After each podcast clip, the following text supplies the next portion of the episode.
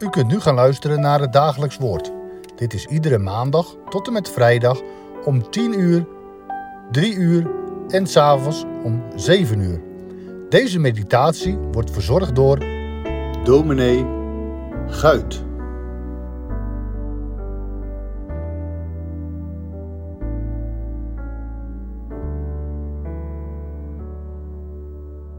Ik lees met u enkele versen uit de Bijbel en wel Genesis 49, vers 8 tot en met 12.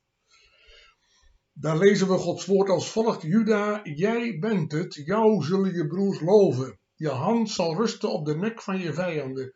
Voor jou zullen de zonen van je vader zich neerbuigen. Juda is een leeuwenwelp van je prooi bij je opgestaan, mijn zoon. Hij heeft zich gekromd, zich als een leeuw neergelegd als een leeuwin, wie zal hem doen opstaan?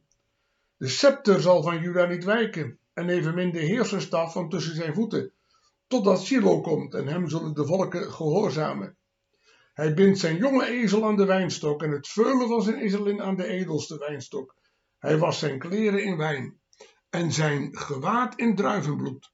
Zijn ogen zijn donker door de wijn, en zijn tanden wit door de melk. Vader Jacob is aan het einde van zijn leven gekomen. Hij voelt dat het afscheid nadert. Maar voordat hij overlijdt, geeft hij aan zijn kinderen bepaalde spreuken mee, door de Heilige Geest daartoe gedreven. Bij een van die spreuken willen wij in deze adventstijd stilstaan. Het is de spreuk die Jacob wijdt aan zijn zoon Juda. En dan lezen we woorden die u misschien vroeger wel op het kerstfeest van de zonderschool moest opzeggen. Juda, jij bent het, jou zullen de broeders loven. Je hand zal rusten op de nek van je vijanden. Voor jou zullen de zonen van je vader zich neerbuigen. Waarom zo'n rijke belofte voor Juda? Was hij beter dan zijn broers? Muntte hij altijd uit in een onberispelijke levenswandel? Nee. Maar hier zien we dat het waar is wat Paulus later zegt in een van zijn brieven: de genadegiften en de roeping Gods zijn onberouwelijk. Hier schittert Gods welbehagen, die in zijn verkiezing sommige mensen onderscheidt van anderen. Want Juda is bijvoorbeeld een man die zich in hoererij vergrepen heeft aan zijn schoondochter Tamor. Toch lezen we: Juda, jij bent het. Ja, sterker, uit die verschrikkelijke verbintenis van Juda en Tamar is uiteindelijk de Heer Jezus voortgekomen. Dat betekent niet dat God de goddeloosheid rechtvaardigt, maar wel dat hij de goddeloze rechtvaardigt. Dwars door het zondige handelen van Juda in voert God zijn raadsplan uit. Jacob zegt: Jou zullen je broers loven. Dat krijgt te meer betekenis als we bedenken dat de naam Juda ook lover betekent. Verder wordt Juda door Jacob vergeleken met een leeuw. Het is voor het eerst in Genesis 49 dat een zoon van Jacob met een dier vergeleken wordt. En waarom nu juist een leeuw? In de eerste plaats omdat een leeuw wel de koning van de dieren wordt genoemd. Hij is krachtig en heerst over veel andere dieren.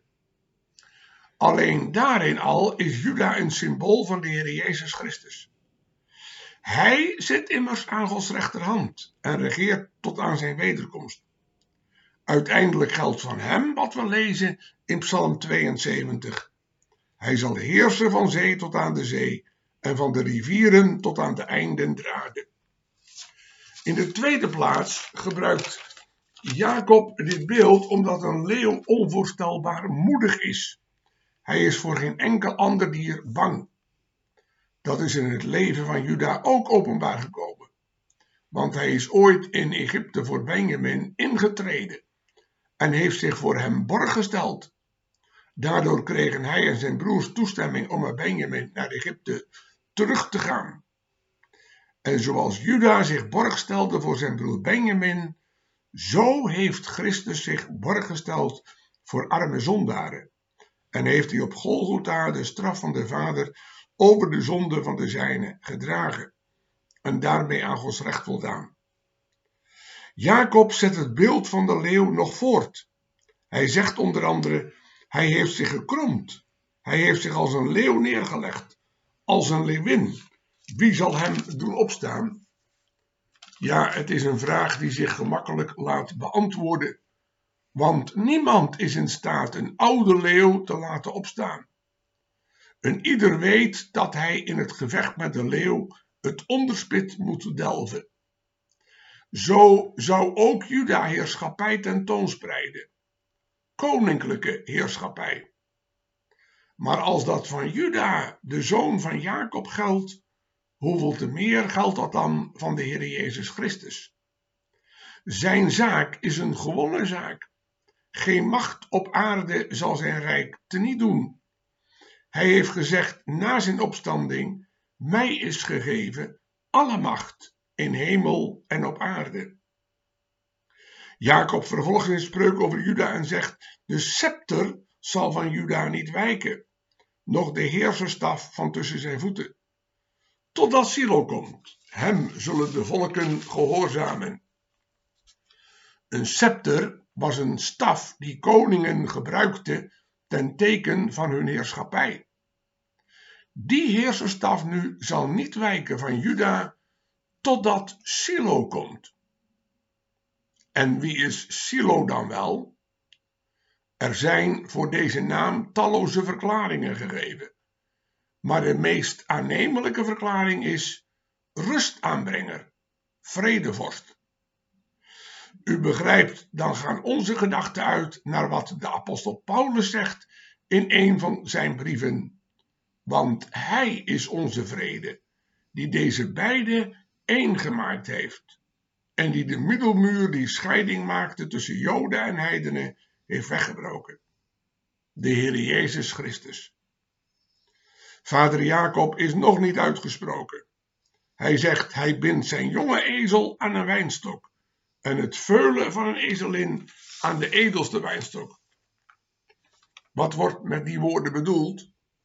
Wel, in het oude Oosten bond een man een ezel meestal aan een omheining. Alleen, nu komt de tijd dat Juda zijn ezel bindt aan een wijnstok. We hebben gezien dat Juda een type, een symbool is van de Messias. Welnu, als zijn rijk aanbreekt, zal er een overvloed van wijnstokken zijn, zodat hij zijn ezel niet aan een omheining behoeft vast te binden, maar hem aan een wijnstok kan vastbinden. Overvloed, dat is kenmerkend voor het rijk van de Messias. We denken natuurlijk aan het perspectief dat Jezaja schetst van het Messiaanse rijk. We kunnen het lezen in Jezaja 11. Dat gedeelte zegt dat de wolf en het lam tezamen zullen weiden. En de leeuw en de berin tezamen zullen verblijven. En dat een zuigeling zich zal vermaken bij het hol van een adder. Ja, dat gedeelte eindigt de beschrijving van het Messiaanse Rijk met de woorden: Op die dag zal de wortel van Isaïe zijn. Die zal staan als een banier voor de volken. Naar hem zullen de heidenen vragen en zijn rustplaats zal heerlijk zijn. Wat een vooruitzicht voor Gods kerk. Zelfs de heidenen zullen vragen naar de Messias. Is dat perspectief ook uw perspectief? Alleen hij die in dit leven voor hem leert buigen en zich aan hem gewonnen geeft, zal in die heerlijkheid delen. Maar die heerlijkheid zal dan ook volkomen zijn. Daar stemmen de gezaligden in. Hier wordt de vreemdelingschap vergeten en wij, wij zijn in het vaderland. Amen.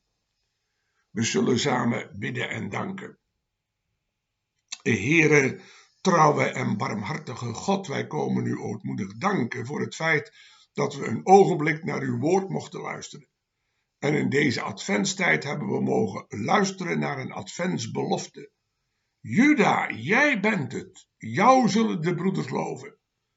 En Juda mocht een type zijn van de Heer Jezus Christus, wiens komst naar deze aarde we juist in deze tijd weer gaan gedenken. Wij danken u, Heer, voor dat woord en we bidden van u, leer ons te knielen bij de kribben van Bethlehem. Leer ons te buigen bij het kruis van Golgotha. En dat bidden wij u te meer omdat we van nature voor hem niet buigen, maar onze eigen wil willen doen en onze eigen plannen willen verwezenlijken en Hem niet nodig hebben. Maar wilt u ons te sterk worden door uw Heilige Geest en laten we als een arme zondaar aan Zijn voeten mogen terechtkomen en ons aan Hem mogen toevertrouwen voor het eerst en steeds weer opnieuw, opdat we in Hem de vrede en de rust mogen vinden die uiteindelijk alleen bij Hem te vinden is. Gedenk ons in onze privésituatie, wees ons nabij, als ziekte ons deel is, wilt u ons nog herstel geven, en als we ons eenzaam voelen, wilt u ons uw gemeenschap doen ervaren. En als we het gemis van geliefde ervaren, wilt u ons dan troosten en sterken. We vragen het alles van u, uit genade, om Jezus wil. Amen.